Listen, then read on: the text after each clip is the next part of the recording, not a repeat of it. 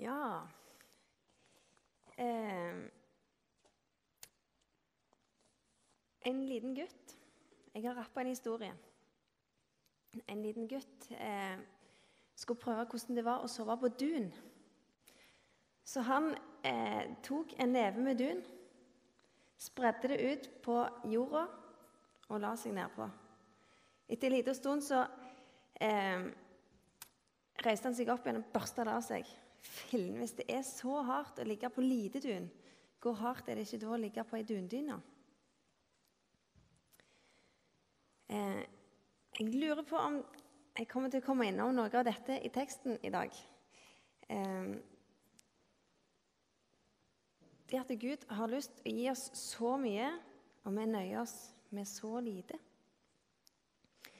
Jeg vet ikke om jeg er noen evangelist eller eh, noen eh, lærer på noen som helst vis, men jeg tror at jeg kan fortelle noen historier. Jeg skal fortelle historiene om dagens tekst i dag. Prøve på det, iallfall. Eh, jeg ble litt sur når jeg leste teksten. For det første så skjønte jeg ingenting. Og for det andre, så når jeg skjønte det, så skjønte jeg at det, ah, dette var jo irriterende. Det, det, må, det krever noe av meg. Jeg liker ikke å lese sånne bibeltekster. Vi skal starte med å lese teksten.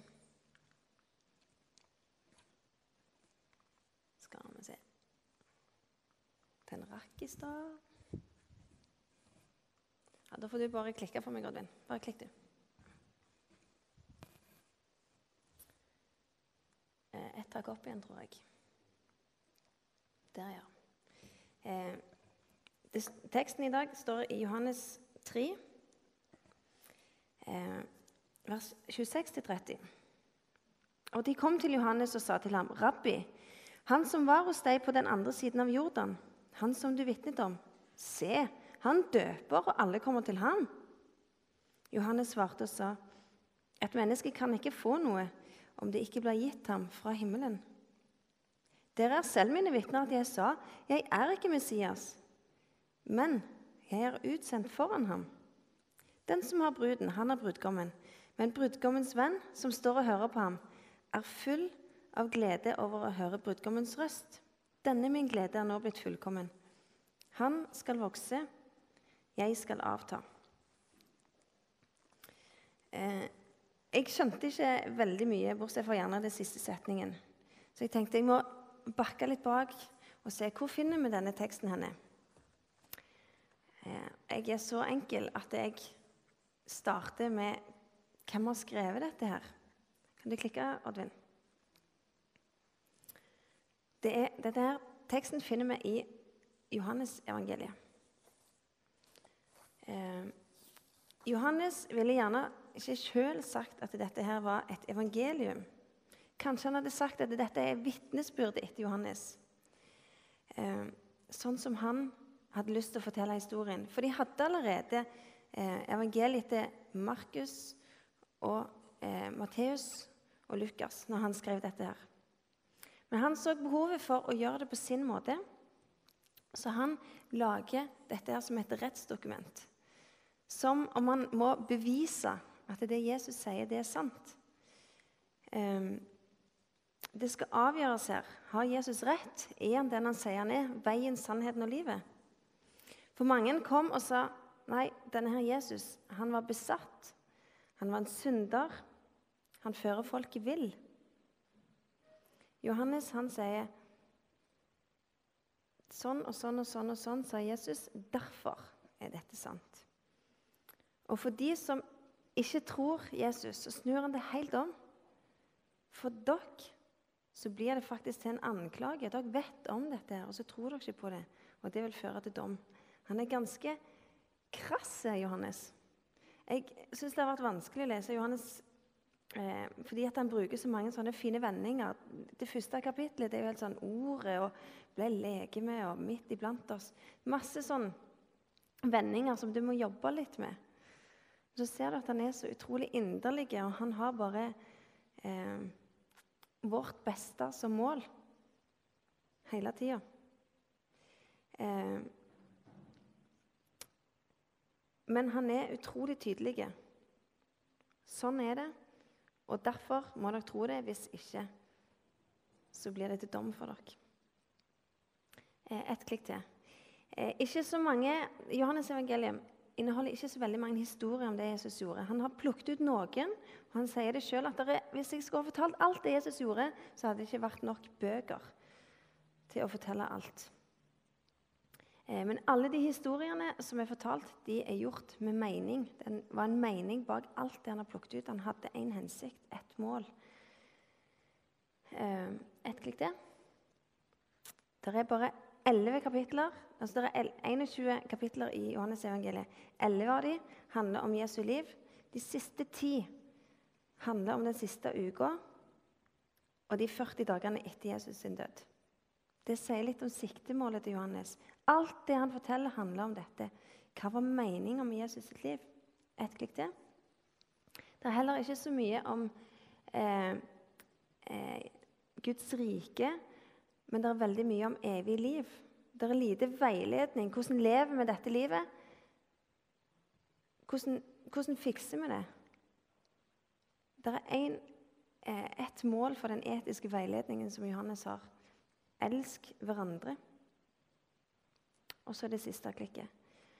Eh, det er én bestemt hensikt Johannes hele tida har, og det må vi huske når jeg går inn i teksten etterpå. Det er å føre til tro og styrke troa. Johannes snakker om liv, om lys, om kjærlighet, om sannhet.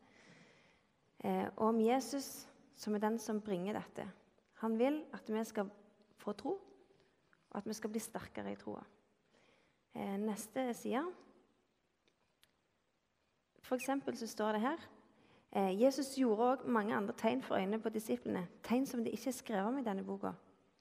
Men disse er skrevet ned, de som står i Johannes de er skrevet ned for at dere skal tro at Jesus er Messias, Guds sønn, og for at dere ved troen skal ha liv i hans navn.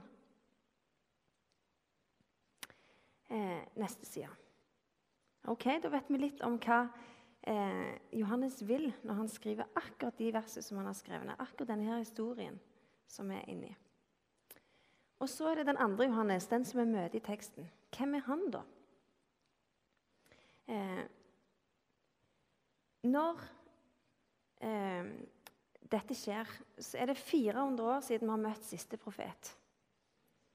Eh, det var, For de som har, har, vært med i de to huskirkene, så har dere hørt om eh, når jeg har snakket om Nehemja. Eh, det, Nehemja og eh, de som levde 400 år før, det var de siste som opplevde at Gud sendte profeter midt iblant dem. Så kommer Johannes som igjen begynner å snakke om det kommer en, det kommer en, det kommer en. Eh, og Jødene har venta i 400 år på noen som, kan, som er rett ifra Gud, som formidler det Gud vil si. Eh, Johannes er den siste store profeten. For etter han så er det ikke vits i med mer profeter, for da kommer jo Jesus. Eh, det er spådd en del om Johannes. Vi kan lese i Gamle testamentet hvem han skal være, og han kommer og gjør nettopp dette. her. Han rydder vei. Eh, og Det er det som skjer i den teksten. Og disiplene hans skjønner ingenting. Neste klikk. For det som skjer her, eh, når Johannes og Jesus møtes i tid eh, Det er omtrent seks måneder imellom Johannes og Jesus. De er født med seks måneders mellomrom. Eh, Derfor feirer vi nå 24. juni sankthans. Vi feirer det kvelden før, da, men sankthans er for å feire Johannes. 24. juni, seks måneder før jul. Om det var akkurat de datoene, det vet vi ikke. Eh, men for dere som har lyst til å ha en knagg å henge sankthansfeiringa på, så sett dere ned og les litt om Johannes, døperen. Eh, når Johannes kommer og møter Jesus, vips, så er det slutten på ei tid, profettid. Og nå kommer oppfyllelsestida. Tenk på alt det jødene hadde lært i alle år om hvem Jesus var, og som, hvem som skulle komme, hva han skulle være. Og Plutselig så skal de få leve midt i det. Det er løye de blir forvirra. Usikre og redde. Alt det som de har lært om den Messias som skal komme, det skal utløses og oppfylles. Eh, neste klikk. Johannes visste godt hvem Jesus var. Vi er blitt fortalt at han kjente han allerede fra mors liv, før de begge var født. Og For et liv! Fødselen hans er overnaturlig. Eh, dere kan lese om hvordan eh, Johannes, foreldrene hans får beskjed om at han skal bli født. En spesiell historie. Han lever som en eremitt. Eh, han kommer fram til, når han blir 30 år omtrent, og underviser. Han har bodd ute i ørkenen alene. Han går rundt i kamelhårskappe og et lærbelte. Han ser ut som, en, eh, ser ut som den eremitten han er. Han spiser en meget rar diett av gresshopper og honning. Man skulle tro han skygga mengdene. Men hva er det som skjer? Mengdene kommer rundt han. De samler seg til han. De forlater byene og kommer ut i ødemarken for å høre han undervise. Og akkurat sånn som Jesus fikk disipler, så fikk òg Johannes disipler. Som han lærte opp, og de hjalp han med å døpe. Eh, vi skal hoppe litt tilbake i tid. Husker dere historien om Abraham og Isak? Abraham får beskjed om å ta med seg Isak opp på, eh, opp på fjellet og ofre han. Når de kommer fram, så vet ikke Isak noe om dette. og Han sier vi har ved og vi har ild, men hvor er lammet? Det er kanskje et av de viktigste spørsmålene som er stilt i historien. Hvor er lammet? Tilbake til der vi er. Det første Johannes sier når han ser Jesus, som er klar til å trene i sin tjeneste, er 'Se der Guds lam'. Han svarer på det spørsmålet som jødene har lurt på i 1900 år. Hvor er lammet? Her er lammet. Han setter med en gang på plass hvem er hvem. Men verken hans egne eller Jesu disipler skjønner dette. her. Det tar tid å forstå en sånn en endring. Sånn et skille i historien.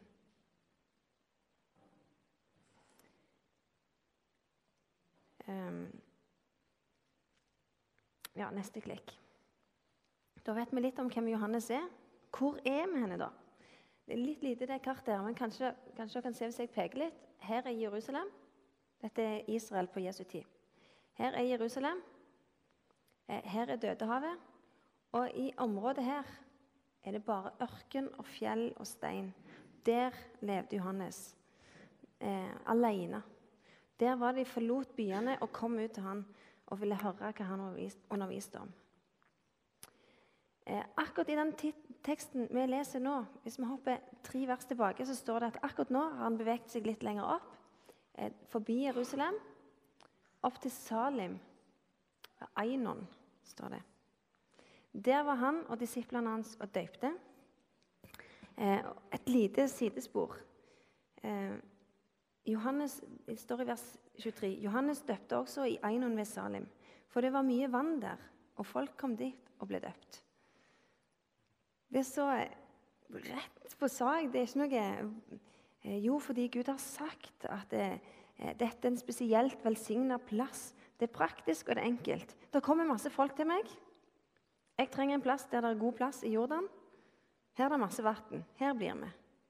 Enkelt og greit kan det hende at vi noen ganger gjør ting litt vanskelig. Og tenker 'Hva vil du, Gud? Hva vil du, Gud? Hva er, styr oss, led oss, gi oss, gi oss eh, retning og mål og, og velsignelse og klar, tydelig ledelse. Johannes gjør det som er praktisk. Her oppe er det god plass, for det kommer så mange til ham. Um, Jesus, Rett før dette så har Jesus akkurat starta sin gjerning. Han har blitt døpt av Johannes, så de har møttes. Eh, han har lagt vann til vin. Han har jagt ut pengevekslerne på tempelplassen. Han har feira påske i Jerusalem. Og så har han hatt den berømte samtalen med Nikodemus. Så står det at han dro til Judea. Det er der forbi her. det. Så de er ikke på samme plassen. Her oppe er Johannes, og her nede holder Jesus og disiplene til. Og de driver òg og døyper. Eh, så slår frykten til, og misunnelsen, og behovet for å være på vinnerlaget. Hør, Johannes, de døyper jo. De der, han der Jesus som du eh, møtte tidligere, og disiplene hans, de døyper de òg. Og de samler mer folk enn oss. Vi har jo forlatt alt for deg. Vi har starta på et nytt liv. Vi har eh, eh, valgt å tro på det du sier. Og så sier du nå at ikke vi skulle være på vinnerlaget. At det skulle komme noen som var mer populær enn oss. Jeg tror jeg hadde blitt redd, fortvila, oppgitt. Hvor, Johannes, ambisjonene dine, hvor er det blitt av dem? Hva med meg, da? Min innsats? Jeg har jo vært med deg og hjulpet deg og bygd opp dette her greiene. Så bare gir det opp alt når Jesus kommer. Tenker du ikke på meg, da? Um, Johannes var forberedt på dette. Han visste hele tida at det var akkurat sånn det skulle være. Det var akkurat sånn det skulle være. Han visste at han hadde sin plass, han hadde sin tid med sin tjeneste. Og så var han klar for å trå til sides. Eh, hvis du klikker en gang til, så svarer han. Et menneske kan ikke få noe uten at det er gitt ham fra himmelen. Det er så utrolig fint sagt. De disiplene han hadde rundt seg, til og med de, Det var ikke hans fortjeneste, det var ikke hans fantastiske evner til å tale eller eh, spesielle karisma. De var gitt ham fra Gud. Det var ikke noe han eide. Og når Jesus kom, så måtte han kunne gi de videre. Han kunne ikke holde fast på det, for alt er gitt fra himmelen. Det vi sitter med her i dag, det er gitt fra himmelen. De menneskene som er her.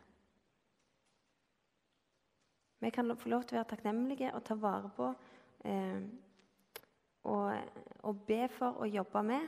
Men det er ikke vårt. Det er gitt oss fra himmelen. Vi kan ikke satse på eh, hvilken pastor vi har, eller eh, hvilken organisasjon vi har bygd opp. Det er gitt oss. Hvordan klarer Johannes å holde denne holdningen? Og Det er da jeg kjenner at jeg begynner å bli litt irritert. Litt sånn stressa. Eh, hjertet slår litt fortere. Johannes var i kontakt med Gud. Han kjente meningen med sitt liv. Han var ydmyk, og han var tjenende. Men han var modig, han var uredd, han skamma seg ikke. Det var ikke noe åh, jeg fikk ikke til dette. Nei, da kan jeg bare gi opp. Det var noen som var bedre enn meg. Nei, da gidder ikke jeg. Han visste at alt dette var en del av Guds plan, så han kunne gå frimodig. Uansett om det var bare for en begrensa periode, uansett om han visste at noen etter han kom til å gjøre dette ti ganger bedre enn han, samla mye mer folk enn han. Han var en del av Guds plan. Og Dette syns jeg er vanskelig. På den ene sida skal jeg gi alt for Jesus. Jeg vet at Gud har kalt meg til at det jeg har fått, det skal jeg gi videre. Jeg skal være med med det jeg har eh, av muligheter, og kapasitet, og gaver og evner. På den andre sida skal jeg være veldig ydmyk og si nei da. Det er ikke så nøye med meg, egentlig. Om ikke jeg blir sett, eller om, jeg, eh, om noen andre er bedre enn meg. Eller, det er ikke så farlig med meg. Tenk om ikke jeg blir lagt merke til. Ja, ja, det er sikkert noen andre. Det syns jeg er kanonvanskelig. Eh, jeg vet ikke hva du tenker når du leser teksten. Eh, kanskje sitter du som en del av denne menigheten og føler deg forbigått på et vis. Eller kanskje føler du deg såra, at noen har eh, tråkka på deg på et vis. Kanskje er du sliten. Vært med helt fra starten og gitt alt, og ingen ser det du bidrar med. Kanskje føler deg urettferdig behandla. Hvordan hadde dette huset vært uten deg, tenker du kanskje. Ja, Da skulle de sett. Eller kanskje motsatt. Hadde faktisk noen merka om jeg var her? Eller hadde de bare gått? Hadde ingenting skjedd hvis jeg forsvant?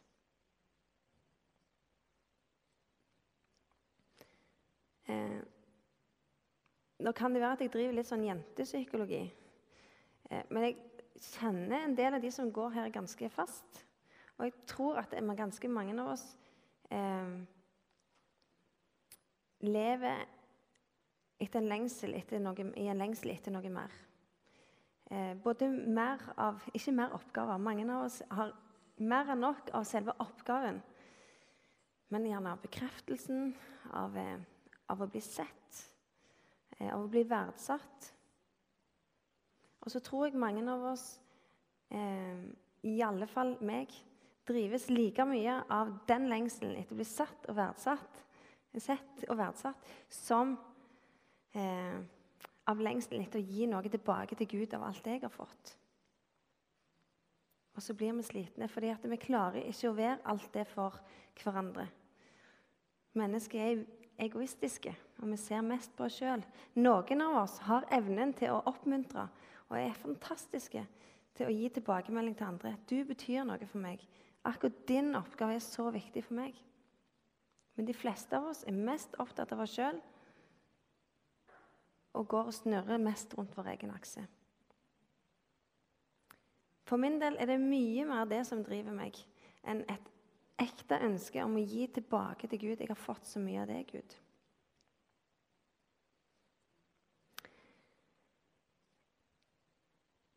Jeg lurer på hvis vi hadde samla eh, sårhet i menigheten i ei bøtte, hvor mye hadde vi fylt opp i bøtta? Jeg har gått og surra litt i hodet. Det er kanskje bare meg som tolker ut ifra mine tanker. Men jeg tror mange av oss er eh, lagrer på en del historier og en del tanker som står i veien for tjenesten vår. Eh, jeg er stor fan av en TV-serie som heter House. Det er en lege som er sær og innbitt og grinebiter og sur. Eh, det som driver han, det er å finne årsaken til spesielle sykdommer. Og de sykdommene er veldig spesielle. Han er den beste eh, personen til å sette diagnoser. Så han har et eget team, og de jobber for å finne eh, ut av mennesker som er så syke, og ingen har funnet ut av hva det er som feiler dem. En dag så får han en pasient som veldig, er veldig sliten. For det har skjedd et eller annet i hjernen hennes, så hun husker alt. Hun husker eh, hver eneste ting folk har sagt til henne. Hun husker hver dag. Du kan spørre henne hva skjedde 19.6.1986, og hun kan ramse opp hele dagen. Eh, I tillegg til at hun feiler en del andre ting. Hun har røket sammen med søstera si. Eh, og så sier hun Hvordan kan jeg ikke det? Mennesker er har som regel en evne til å legge bak seg ting som har skjedd, og glemme en del av de tingene som har skjedd. Men jeg husker alt. Alle de vonde tingene hun har sagt til meg, de gangene hun har svikta meg, de gangene hun har eh, eh, glemt meg eller tråkka på meg, eh, slengt ord til meg. Alt det husker jeg, og jeg klarer jo ikke å glemme det. Jeg kan ikke bare legge det vekk. Det koster mye mer for meg å glemme det enn for alle andre. Alle andre tror de har sannheten, men de har jo ikke det, for de har bare det de husker av sannheten. Min sannhet er faktisk sannheten.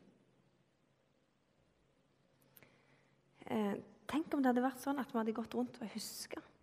Men noen av oss har vært med i denne forsamlingen i fem-seks år. Og noen av oss husker gjerne episoder ting og tang, der vi har gitt en del og fått mindre tilbake. Der vi har eh, investert i mennesker og blitt såra.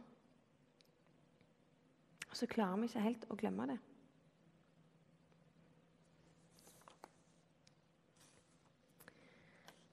Disiplene sitter der og er såra og er forvirra. Og Johannes svarer dem på en sånn en måte.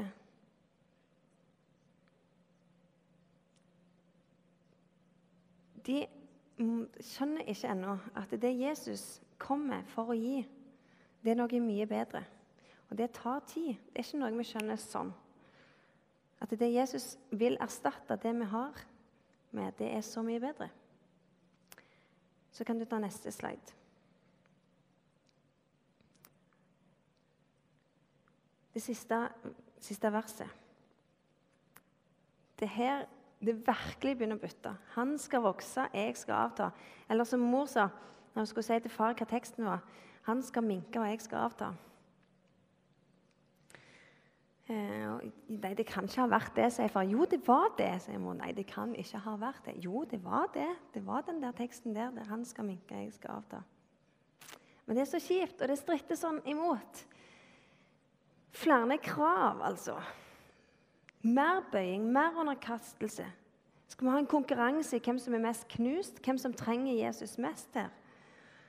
Skal vi tippe over i, i pietismen som er usunn, og bare og at det er meg som har mest behov for Jesus, for jeg har synda mest.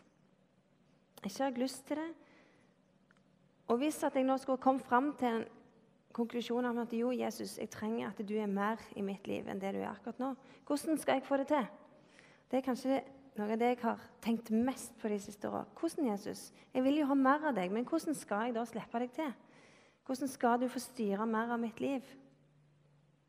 Hvordan, hvordan, hvordan? Gi meg et verktøy. Eh, jeg har også sett en del episoder av Dr. Phil. Eh, og det skjemmes jeg ikke av å si engang. Dr. Phil er en eh, populærpsykolog som har sitt program på TV. Han har mange sånne slogans, måter å si ting på, vendinger som setter seg. Og han har ett som som jeg syns er utrolig anvendelig. Is it working for you? Den løsningen du har valgt, hvordan virker det for deg? Og det Spørsmålet stiller han jo selvfølgelig alltid inn i situasjoner der ting har låst seg helt. Der det aldeles ikke virker. Og der folk holder så fast på sin måte å gjøre ting på eh, at de, de, nekter å ta imot innspill fra andre om at det kanskje det hadde vært bedre å gjøre ting på en annen måte. Men hvordan virker din måte, da? Ok, For meg virker kanskje ikke min metode. Gå på møte en gang innimellom. og Jo da, jeg bidrar med mitt. Jeg spiller jo litt, og jeg eh, Ja da. Kommer Jesus til hos meg på den måten som jeg har lyst til, og på den måten som jeg vet han har lyst til? Um, tilbake til historien med gutten som ligger på solide dun. Hvordan må det da være å ligge på ei hel dyne? Historien har jeg rappa av en mann som er død for mange år siden. Han heter Asbjørn Aarvik. Eh, og han, Etter denne historien så skriver han Herren har mange utilfredse, mange åndelig fattige barn i sin menighet. Årsak? Av Guds uransakelige rikdom har jeg bare mottatt en liten brøkdel. Et par never dun for mitt åndelige leie. Jeg er ikke blitt rik i Gud. Resultat. Han har litt sånne gammelmodige vendinger, men fint allikevel. Jeg strekker min hånd over rikets mur etter verdens frukter for å mette min sjel. Igjen så steiler jeg. Hallo!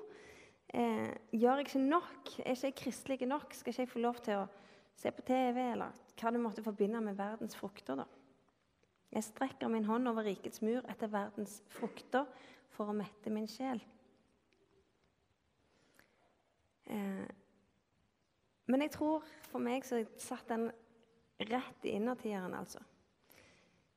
Eh, jeg prøver hele tida å balansere. Jeg skal ha litt av ditt og litt av datt. Og eh, jeg har jo gjort nok, er følelsen hele tida i forhold til kristenlivet mitt. Jeg har gjort nok. Nå må jeg få lov til å koble med helt andre ting. Så du klikker en gang til, Oddvin. Og så kjenner jeg på den her. Det søndagsskolebildet av Gud som alle har sett. Hva tenker du når du ser det bildet? Tenker du ja, Jesus, kom inn. Jeg vil ha deg som herre i mitt liv. Jeg vil, at, jeg vil tro på deg. Jeg tenker det for all del. Så tenker jeg òg ah, Jesus, nå må du slutte med den bankinga. Gud vil meg noe. Det er stress, det er penger, det er forpliktelser, det er krav. Du vil at jeg skal sprenge grensene mine. Bebreidelser. Det er så mange tanker som kommer opp når jeg, når jeg hører at Jesus banker på døra di og vil inn. Skal du kreve enda mer av meg? Jeg gir jo nok penger, gjør jeg ikke? Jeg bruker jo nok tid. Eh, her i Johannes på eh, i disse versene så blir Jesus sammenlignet med en brudgom.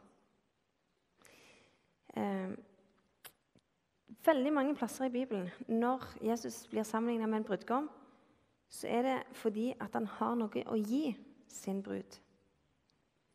Tilbake til dr. Phil. Is it working for you? Den måten å tenke på. Klarer jeg å snu det rundt? Istedenfor at Jesus kommer med bebreidelser, så kommer han med noe å gi til meg. Asbjørn Aavik igjen. Eh, han snakker om Gudsrikets grunnleggende prinsipp.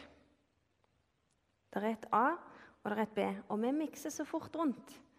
Og det virker ikke for oss. Først så vil Gud dekke våre behov og dele sin rikdom.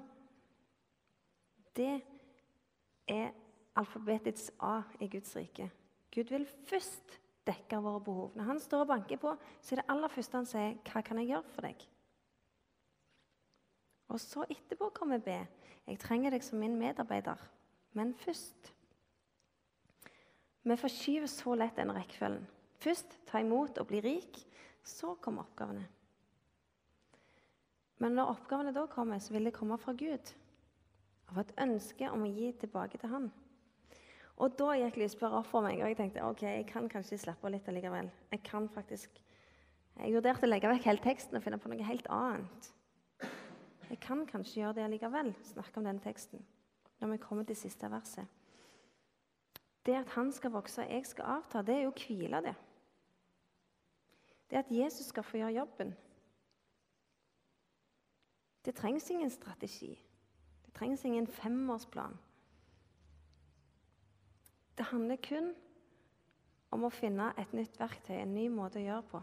Hva handler det om? Å være sammen med Jesus. Da vil det automatisk skje at han får mer plass, og jeg kan trekke meg tilbake. Det er ingen knusthetskonkurranse.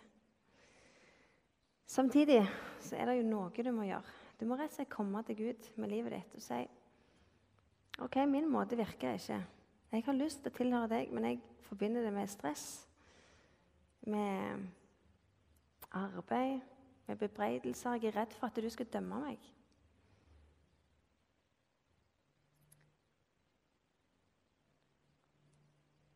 Hva kommer du da med? Da kommer du nettopp med et sønderknust liv.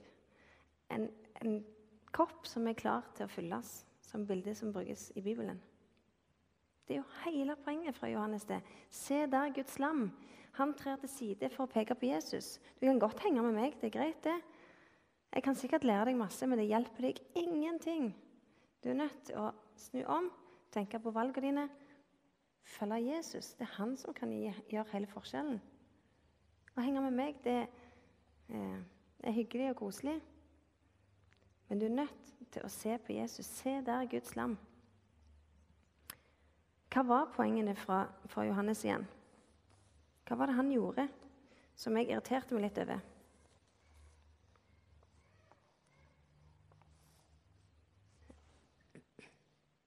Han kjente Guds plan.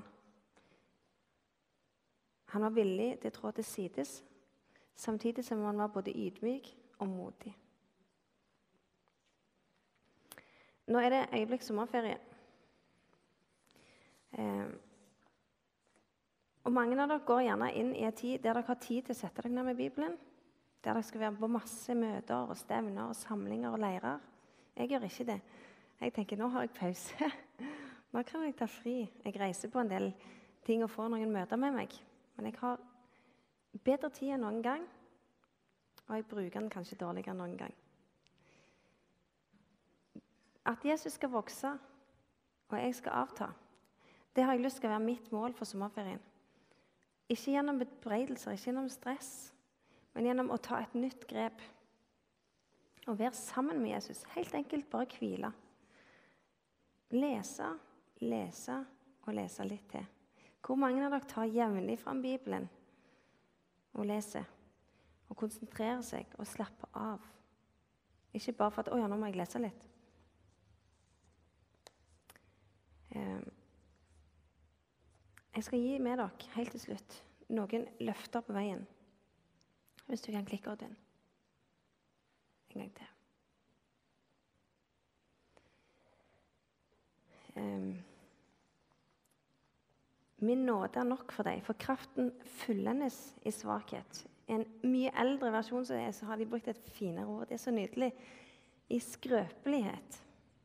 Kraften fullendes i skrøpelighet. Kanskje tenker du at jeg er for såra, eller jeg er for sliten, eller jeg er for et eller annet. Jeg vet ikke om jeg gidder dette her mer. Eller jeg henger bare i fast i Jesus sånn så vidt. Og jeg vil jo være kristen, men det er ikke så det preger ikke livet mitt så mye. Eller kanskje tenker du men jeg vil jo at Jesus skal vokse. Jeg vil at folk gjennom å se på meg skal skjønne at det der er Guds lam. Se der Guds lam. Det er Jesus du skal gå til. Min nåde er nok for deg. Neste vers. Mitt beger renner over, eller flyter over. Når du kommer der og sier at det, 'dette trenger jeg hjelp til' Jeg trenger at det jeg leser, det forstår jeg, og det gjør noe med livet mitt. Så vil Jesus fylle. Han vil gjøre det klart for deg. Han vil gjøre det logisk og vil endre livet ditt. Du trenger ikke gjøre noe. Det vil gjøre seg sjøl, det. Neste vers. For av hans fylde har vi alle fått. Vi trenger ikke streve. Vi trenger ikke gi mer, trenger ikke bruke mer tid. Eh, det er ikke krav. Vi har fått det av hans fylde. Neste vers. Jeg er kommet for at de skal ha liv og overflod. Tenk det. Istedenfor å legge oss ned på bare litt dun tenker Jesus jeg liker deg godt, og jeg vil tro på deg. Så kan du legge deg ned på ei dundyne og bare ause og ligge godt.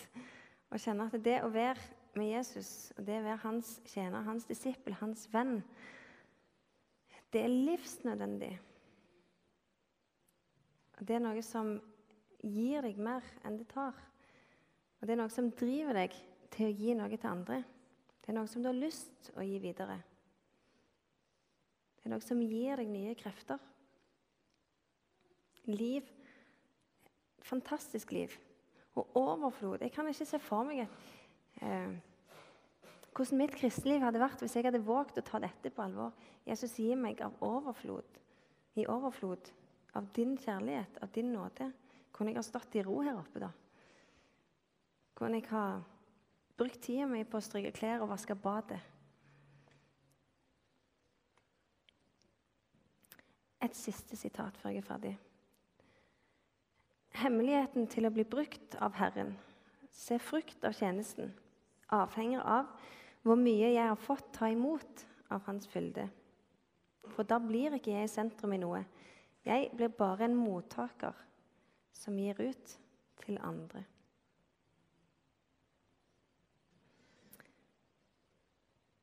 Kjære Jesus, det er ikke lett å be om at du skal bli større og jeg skal bli mindre. Men jeg er nødt til å gjøre det likevel. Jeg ber om at du skal vokse i mitt liv. Jeg har jo så lyst til at andre skal få del i det livet du vil gi. Og så er jeg så feig at jeg orker ikke alltid ta de skrittene som kreves, som skal til. Jeg ber om at du må gi meg mot og kraft og styrke og ydmykhet og visdom. Jeg ber om at du må leke de sårene som vi sitter med. Så ikke de står i veien for et liv i overflod med deg. Jeg ber om at du må være tydelig med oss hver eneste dag hele ferien. Og at du ønsker å gi oss og gi oss og gi oss. At du må minne oss på at vi trenger tid sammen med deg.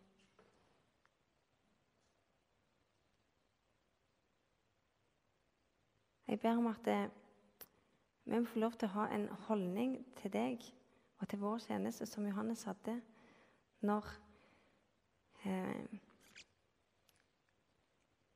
Når han våger å tre til sides og sier 'Jeg har gjort mitt'.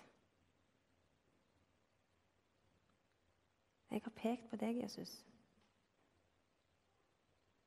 Takk for din nåde hver dag. Takk for at det, Du tar imot oss hver gang når vi ikke får det til. Hver gang når vi tenker denne dagen skulle jeg ha gjort om igjen. altså. Hvorfor sa jeg det der? Hvorfor gjorde jeg det der? Hvorfor gjorde jeg ikke det der? Hjelp oss å vokse hver dag.